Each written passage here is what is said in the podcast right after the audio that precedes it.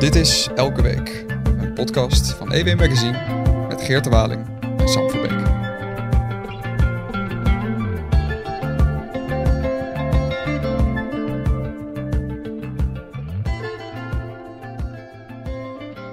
In Israël staan de ultra-orthodoxe en de seculieren weer, eh, weer dwars tegenover elkaar. Vandaag ehm, is uh, ook naar buiten gekomen dat, of gisteren is naar buiten gekomen, dat Donald Trump weer eens moet voorkomen omdat hij is aangeklaagd. En we, zijn, eh, we hebben gehoord van Pieter Omtzigt dat hij, dat hij op vakantie gaat en dat er dus nog een tijdje niet zoveel van hem horen. Dat is ongeveer de nieuwsdag die ik met eh, mijn collega Victor Pak ga bespreken. Hi Victor. Hi. Geert die zit momenteel in Champagne waarschijnlijk, waarschijnlijk aan de bubbels. Um, dus, dus wij gaan het even met z'n tweeën gaan we, gaan we dit doorzagen. Nu ben jij onlangs voor, voor het blad, voor EW Magazine, ben jij naar, naar Israël gegaan. Om, uh, om, eens, uh, om eens te kijken hoe, uh, ja, hoe dat land zich, zich ver, verhoudt tot, tot Nederland. En, en je komt terug en plotseling is een van de grootste staatsrechtelijke hervormingen wordt daar doorgevoerd die er toch in tijden zijn, zijn, zijn gebeurd. heb je er iets mee te maken gehad? Ja, je, je, je, ziet me aan voor, voor het hebben van grootste plannen. Dat, dat was niet helemaal het geval daar. het is wel mooi, mooi toeval in die zin. Ik wilde graag naar Israël gaan, omdat uh, hun politieke systeem eigenlijk vrij veel van het onze weg heeft. Uh, ze hebben geen districtstelsel, net als wij dat hebben. Uh, zij hebben één kamer, wij hebben er weliswaar twee. Maar um, de politiek of eigenlijk het kabinet is dus vrij machtig daar. Ze hebben ook wat elementen van het Britse systeem. Bijvoorbeeld ministers zitten ook in de Knesset, het Israëlische parlement. Dus ik wilde eigenlijk ook wat meer over Nederland leren en hoe dat zich tot elkaar verhoudt inderdaad. Um, en dan is het ontzettend boeiend dat die grote hervorming van het Hoge Rechtshof in Israël is aangenomen. Wij hebben in Nederland de discussie of artikel 120 van de grondwet gaan schrappen. Dat verbiedt op dit moment rechters om aan de Nederlandse grondwet te toetsen. Nou, in Israël mogen rechters dat juist wel, maar wordt dat afgezwakt. Dus zo um, lopen er wat parallellen of juist verschillen tussen de twee landen. En ja, in een week tijd word je dan helemaal dat land doorge, doorgetrokken, wat heel intensief was en ook heel boeiend. Maar als je, als je terug kom je met meer vragen, maar vooral ook eigenlijk met meer zorgen. En dat draait allemaal om die hervorming. Voordat we naar de, naar de vragen en de zorgen gaan, laten we heel eventjes proberen um, de, de hervorming waar we naar verwijzen eventjes uit elkaar te trekken, de ui even af te pellen. Um, wat ik ervan heb meegekregen is dat er, er is een hoge rechtshof in Israël. Dat is ontzettend belangrijk. Ja. Um, en dat wordt nu een beetje kalt gesteld. Zeg ik dat goed? Ja, als je het helemaal, helemaal plat slaat op een, op een dubbeltje, komt het daarop neer. Belangrijk is om te weten, Israël heeft geen grondwet. Wat ze wel hebben, is um, een parlement met 120 leden, een kabinet, waar wat deel uitmaakt ook van dat parlement. Um, daarnaast hebben ze het Hoge Rechtshof en hebben ze een set basiswetten die een soort van onvolwassen uh, grondwet zijn. Die basiswetten die, die regelen een hele hoop. En daaronder is, is er een beginsel, het redelijkheidsbeginsel, wat, um, waar, het Hooggerechtshof, waar het Hooggerechtshof op kan toetsen of die zijn gehanteerd bij het maken van nieuwe wetten. Dus zijn, is een nieuwe wet die door het parlement is aangenomen, is die redelijk? Het punt is, dat is een heel vaag begrip. Het is juist geen ijzeren wet, maar het is echt een soort beginsel, een principe. Het is rekkelijk. Ja, dus je kan beargumenteren wanneer gaat dat op en wanneer niet. Zoals uh, onlangs is een, is een minister die benoemd zou worden. Dat werd door het Hooggerechtshof verboden, omdat die minister um, had gezegd afstand te nemen van de politiek wegens een aantal schandalen. Nou, en toen hebben we gezegd, die benoeming vinden wij niet redelijk en die wordt dan tegengehouden. Oké, maar dat, dat zou dat heeft, zou ook helemaal niks met een grondwet te maken hebben dan, denk ik, toch? Of, of eh, nee, ja, de, hier, snap ik de basiswetten niet goed? Nou ja, hier zie je dus goed in terug van hoe ingewikkeld de kwestie is. Omdat het, het is niet iets inderdaad zoals een grondwet. Daar heb je gewoon de letter van de wet waar je makkelijk aan kan volgen. En dit is een, een beginsel, een principe, waar je dus verschillende kanten op kan redeneren. Het is zo dat het Hoge Rechtshof zegt, of, of het is een feit eigenlijk, het gaat er niet om of zij een wet goed of fout vinden, maar meer zijn de juiste stappen gevolgd als het ware. Punt is, daar kan je altijd over discussiëren en delibereren. En dat is voor premier Benjamin Netanyahu, die al die terug is aan de macht in Israël, de, zijn motivatie daarvoor is dus geweest om te zeggen, nou, dat Hoogrechtshof, dat moet hier niet meer aan toetsen, want het is te gek eigenlijk. Hij, hij zegt, ja, het parlement, dat wordt direct verkozen door de, door de bevolking. Mhm. Waarom moet daar zo'n grote controle van rechters op zitten die slechts benoemd zijn? Ja, ja. En eh, misschien om eventjes ook een beetje terug te gaan. Eh, je hebt het over de, die basisbeginsels. Ehm, was het altijd de bedoeling dat Israël geen grondwet zou, zou hebben? Of is dat, is dat nou eenmaal zo gegroeid? Dat laatste vooral. Het is echt zo gegroeid. Ik denk dat er een heel sterke wens is dat, die, dat die grondwet er wel zou zijn geweest. Zeker op dit moment, onder een groot deel van de bevolking, is, zien ze eigenlijk de, deze strijd over dat Hooggerechtshof ook als een strijd om veel meer dan dat. Om het voortbestaan van de Israëlische democratie. En zij vinden, de meeste demonstranten die tegen de hervorming zijn, die vinden ook echt dat er na deze grote discussie dat er een grondwet moet komen voor Israël, omdat je anders altijd deze strijd kan blijven voeren over de precieze verhoudingen tussen parlement en Hoge Rechtshof. Maar is een ehm, eh, hè, vechten voor de democratie terwijl het gaat over een niet-democratisch orgaan, is dat wel logisch? Nou ja, een, je vecht niet alleen voor democratie, je vecht voor een democratische rechtsstaat, zeg maar. En dat, dat heb ik ook opgeschreven in mijn stuk. Het is heel verleidelijk om het eens te zijn met Netanyahu. Om te zeggen, een ongekozen macht moet niet zo'n grote controle hebben over een gekozen macht. Dus het Hoge Rechtshof heeft veel macht over dat parlement. Dat is een heel verleidelijke gedachtegang.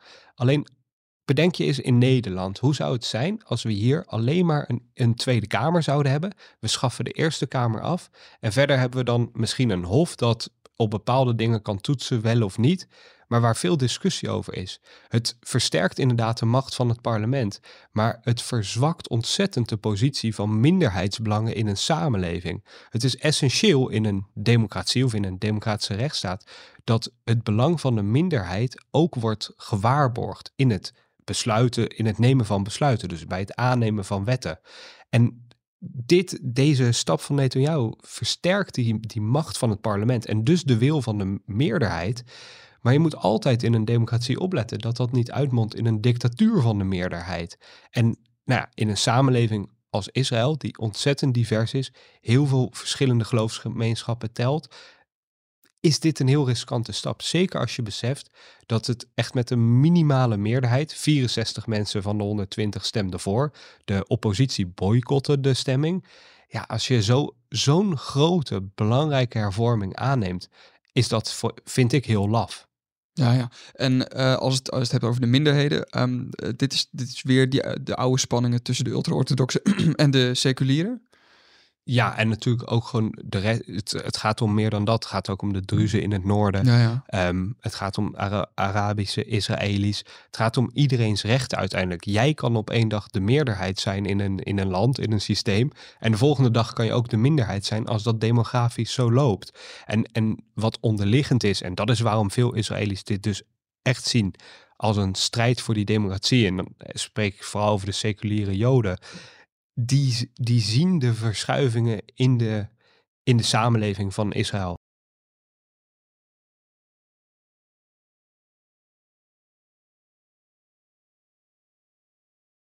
In 2050 is ongeveer een derde van de Israëlische Joden is ultra-orthodox. Dat is echt een flinke toename. Het land groeit ontzettend. Het gaat van 9 miljoen inwoners nu naar 16 miljoen inwoners in 2050. Dat is een ontzettende groei, maar dat zet ook de verhoudingen tussen elkaar op de kop. Seculiere Joden, die hebben een dienstplicht. Ultra-orthodoxe Joden hebben dat niet. ja je schrijft in- over die privileges, hè? Ja, er zijn heel veel privileges, ook in, in belastingen bijvoorbeeld ja, ja. ja, die, die vrevel wekken. En, en een terechte vraag, denk ik, vanuit seculiere Joden is: ehm, waarom, waarom zij moeten sterven voor hun land Hmm. als de ander dat niet zou willen doen? Ja. Ja, dat, i- dat is heel wezenlijk. Maar die, die frustratie gaat natuurlijk al veel langer terug dan, dan bij deze eh, grondwet. Of bij deze, sorry, bij deze hervorming. Maar hij barst uit omdat nu hebben de seculiere Joden het gevoel: mijn rechten worden aangetast.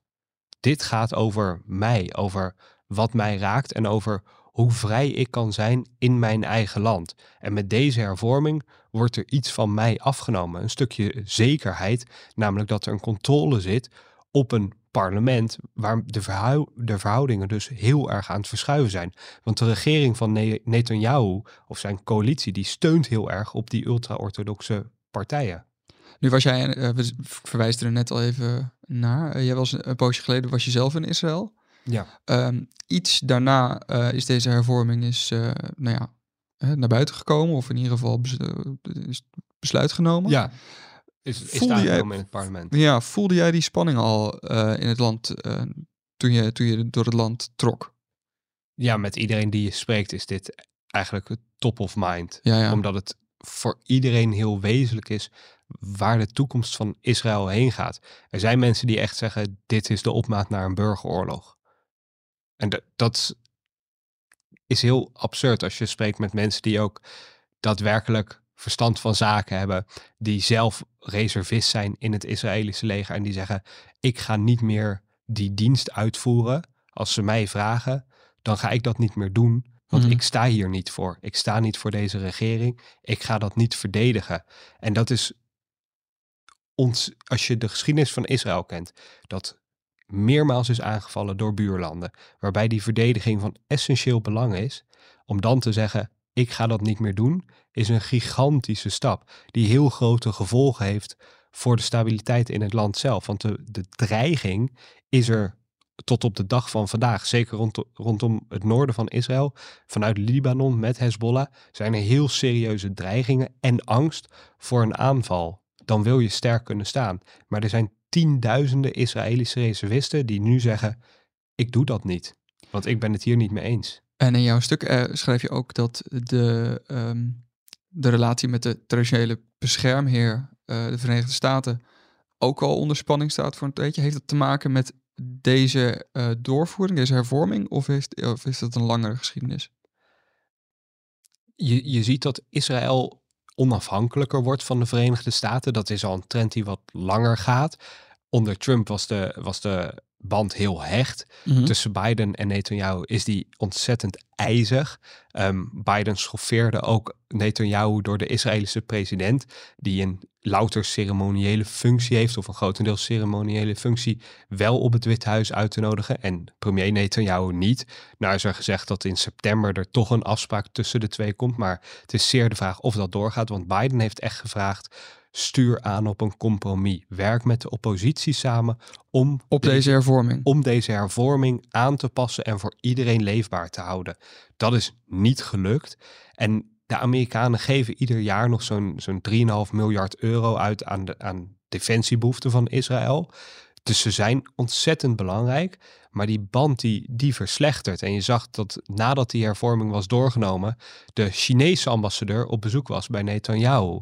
Dat zijn natuurlijk echt dolksteken over en weer ja, in, een, in een relatie die voor beide van cruciaal belang zijn. Want de Amerikanen hebben Israël natuurlijk ook nodig in een ontzettend onrustige regio.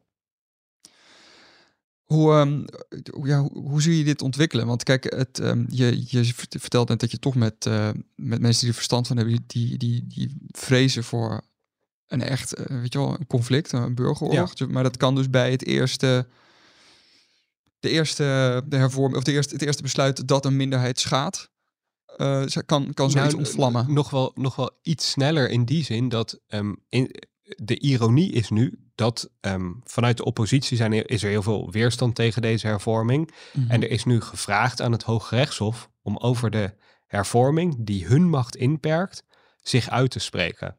In september gaan daar de eh, zittingen over plaatsvinden. Dus dan mag de oppositie uitleggen waarom het Hooggerechtshof hierover moet oordelen. Maar dat is natuurlijk een heel conflicterende situatie. Het Hooggerechtshof gaat zich uitspreken of hun eigen macht verminderd moet worden.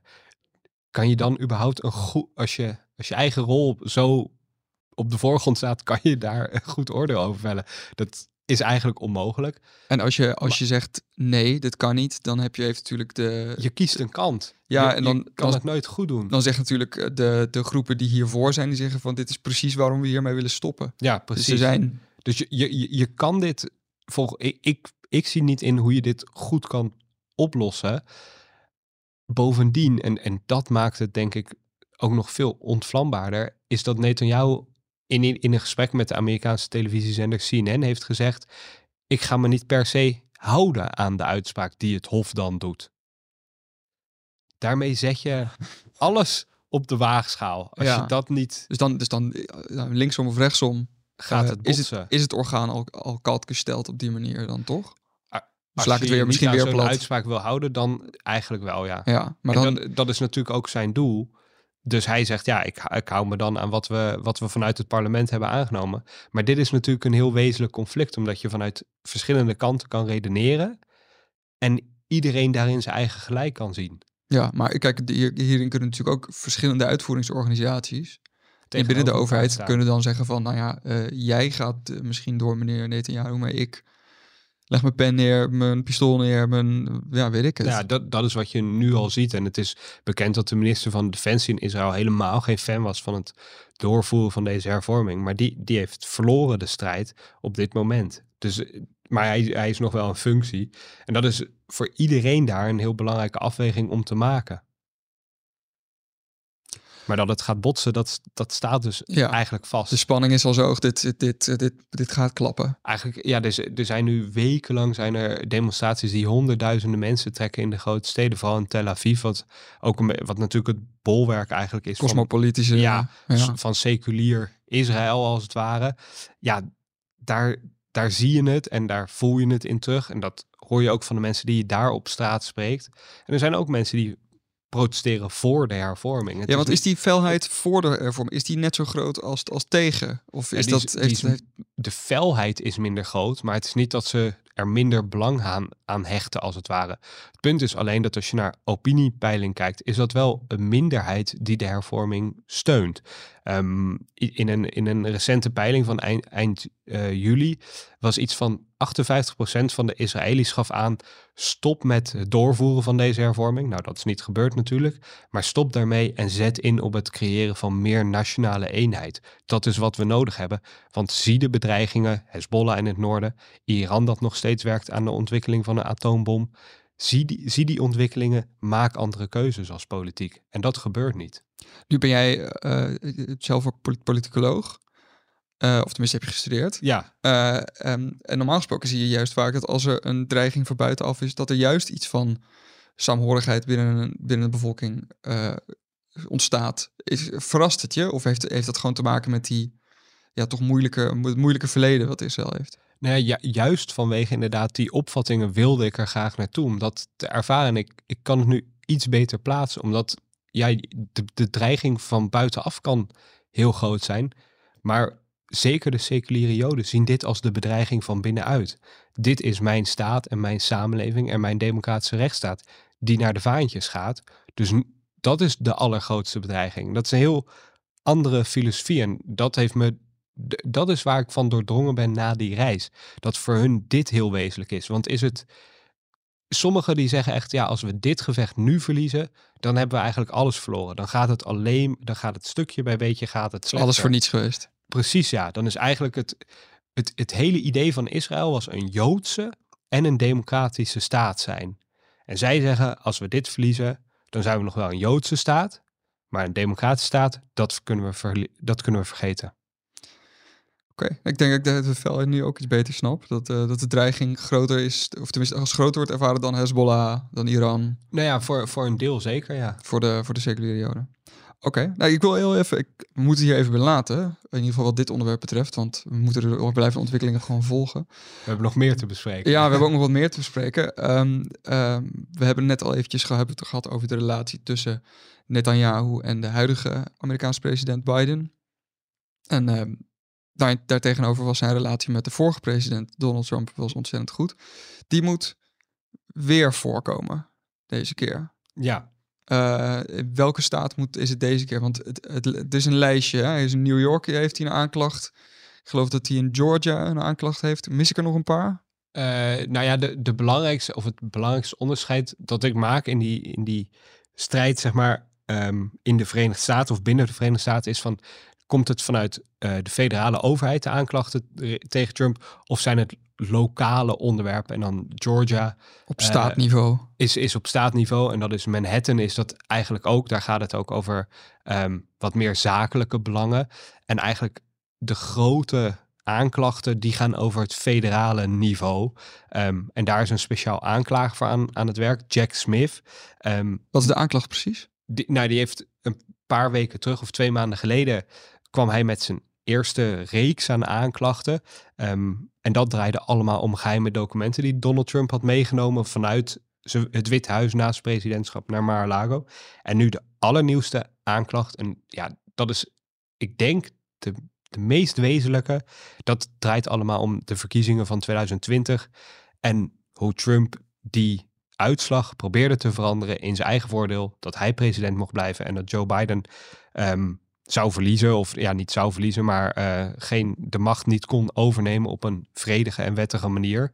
Ehm, en daar zijn nu vier aanklachten in totaal in onthuld.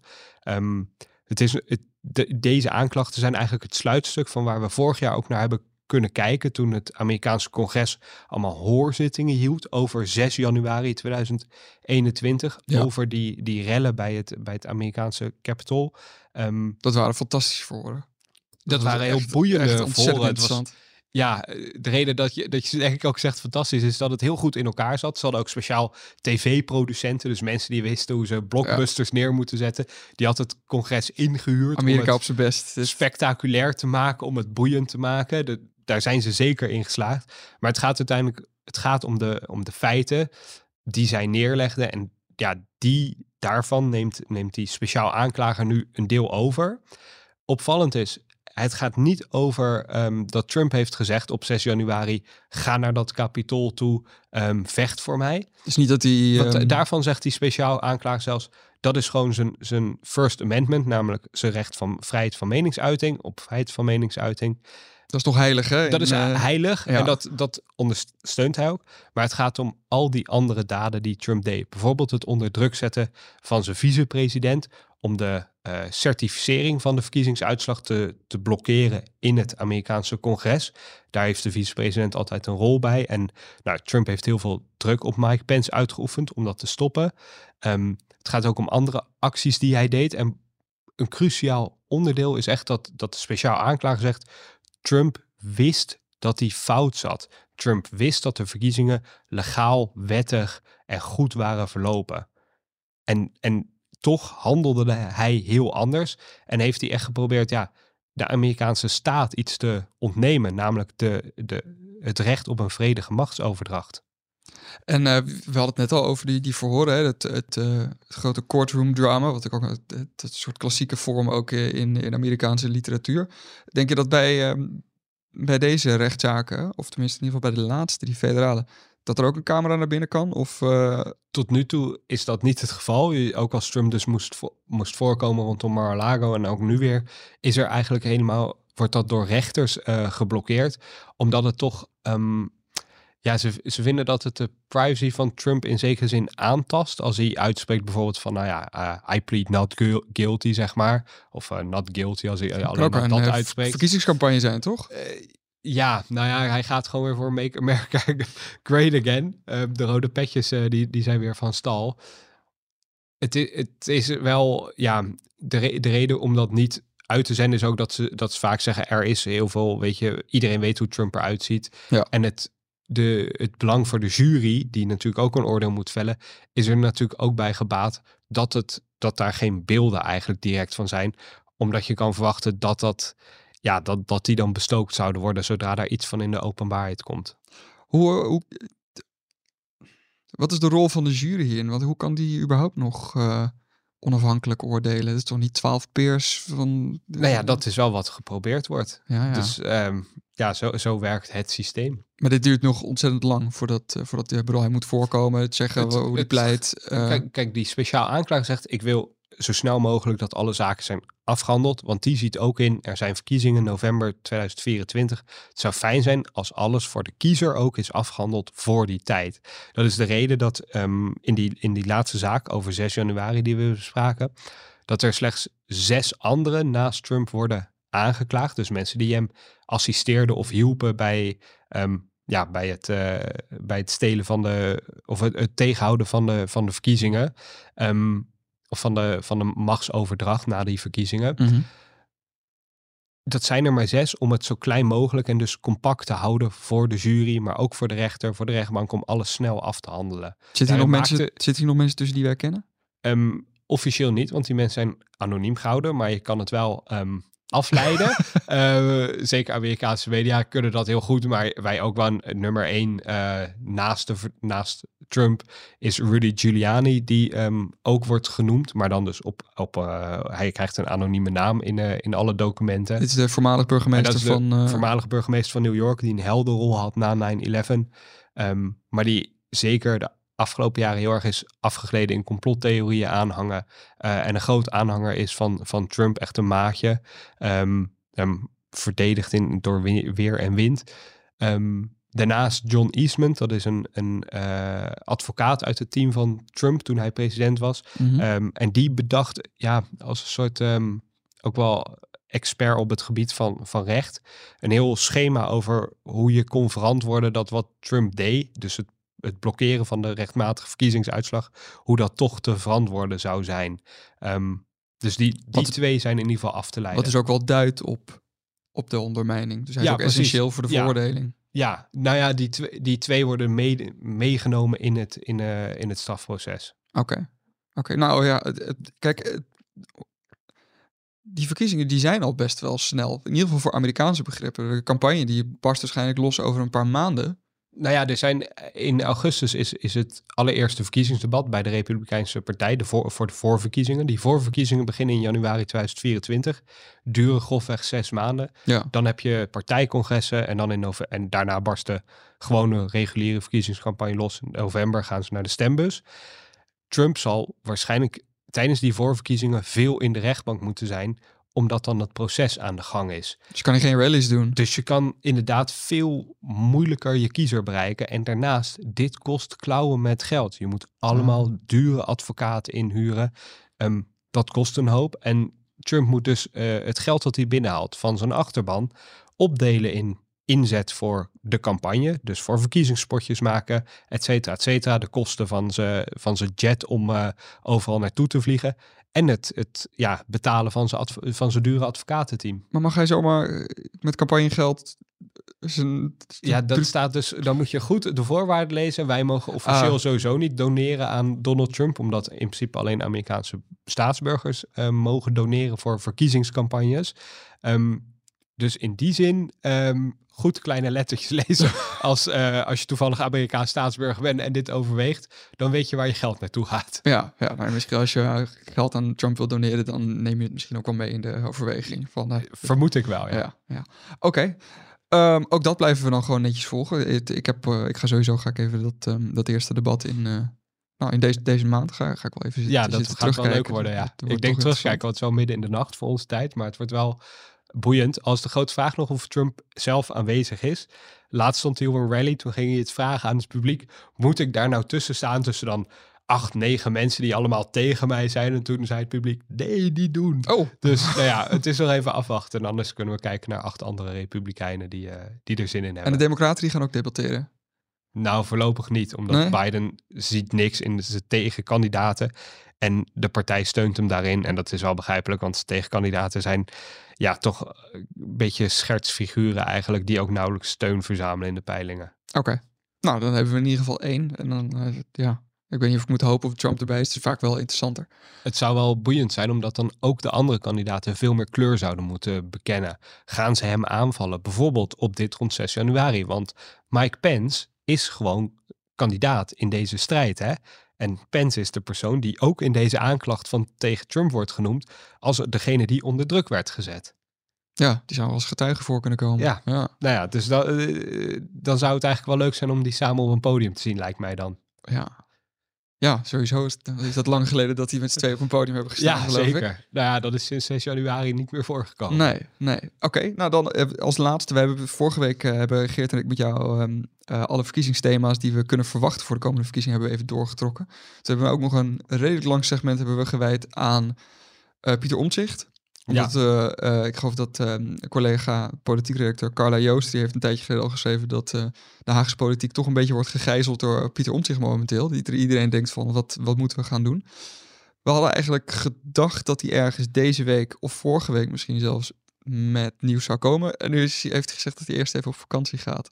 Ja, we zijn zo wel weer lekker de wereld rond. hè? Dan, Ja, eh, ja.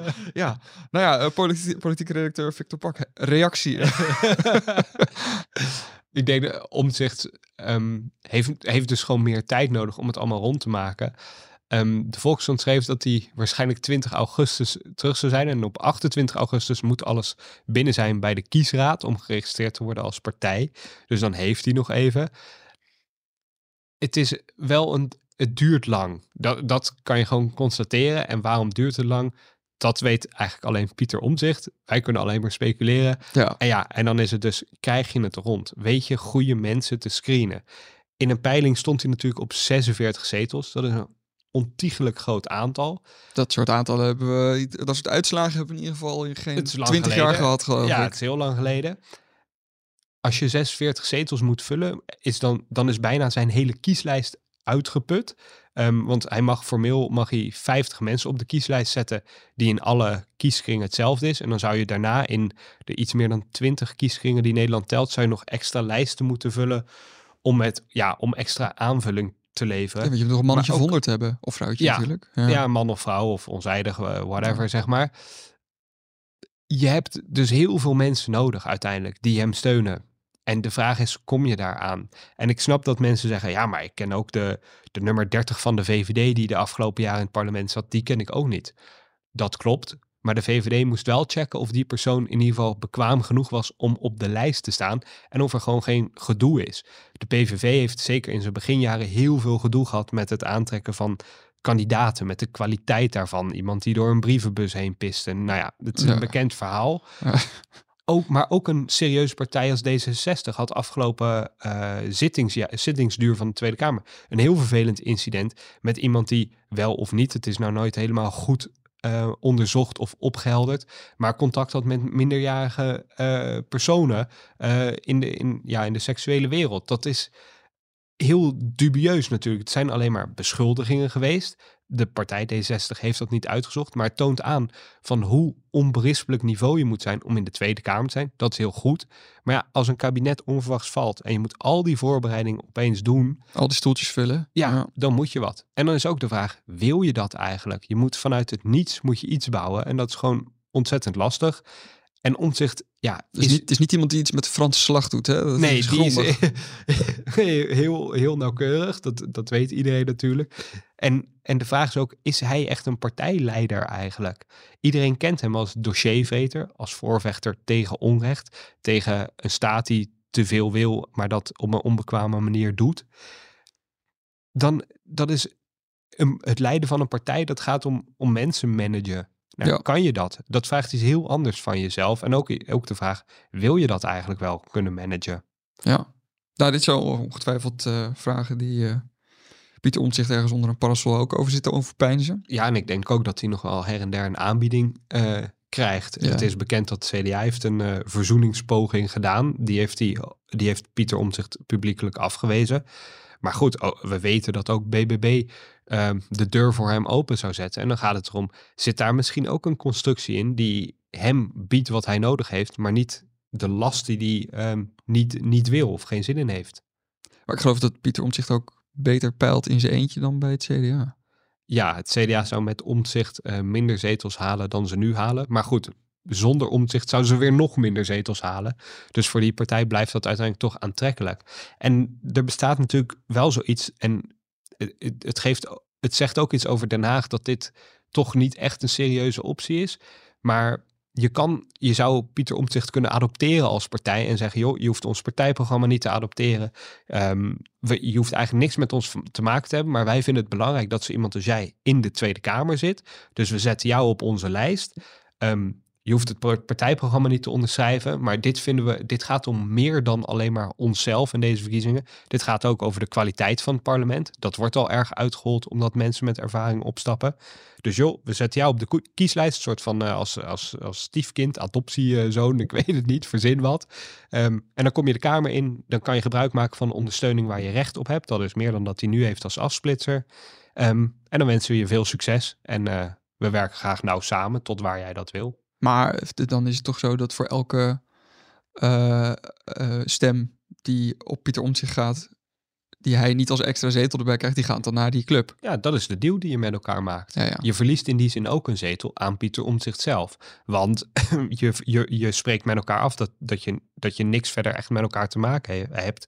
Dus fracties die een partij wil indienen, hoeft Omtzigt niet per se te ondertekenen. Of, of moties bedoel ik. En in de, de, de, de wereld van speculatie is, is dit waarschijnlijk. Nee, tu- nee, dat is mijn punt. Dit is onwaarschijnlijk. Terwijl ik vind dat heel erg zonde voor het parlement dat er niet op dat soort creatieve manier een oplossing wordt gemaakt voor, voor wat, een, wat je als, kan zien als een probleem. Namelijk dat het parlement eigenzinnige, scherpe, kundige Kamerleden ontbeert. En dat er steeds meer van dat slag eh, vertrekken. Ja, maar dit, bedoel, dit, bedoel, dit kan natuurlijk toch gewoon zijn dat dit wel aan Pieter Omtzigt is aangeboden. Dat kan, dat kan. Ja, dat hij het gewoon zelf niet wil. Eh, Nou ja, dat, dat is natuurlijk de vraag die, die op tafel ligt en waar niemand een, een antwoord op heeft. Oké, nou ja, ik geloof het aan het begin van de podcast zei je al van dat eh, jouw reis door Israël ehm, eh, best wat vragen beantwoordt, maar vooral een heleboel nieuwe vragen doet, doet ontspringen. En zo zit het geloof ik bij elk onderwerp wat we nu hebben besproken. Ik wil je wel heel erg bedanken. En eh, we zien. hopen dat we een stukje duidelijkheid hebben gehad. Of in ieder geval een stukje analyse. Ik denk het wel. En, ik, eh, en zeker met het, politieke landschap zoals het er nu bij zit, weet ik zeker dat eh, Geert en ik je nog veel vaker zullen spreken. Dus heel erg bedankt, Victor Pak. Graag gedaan.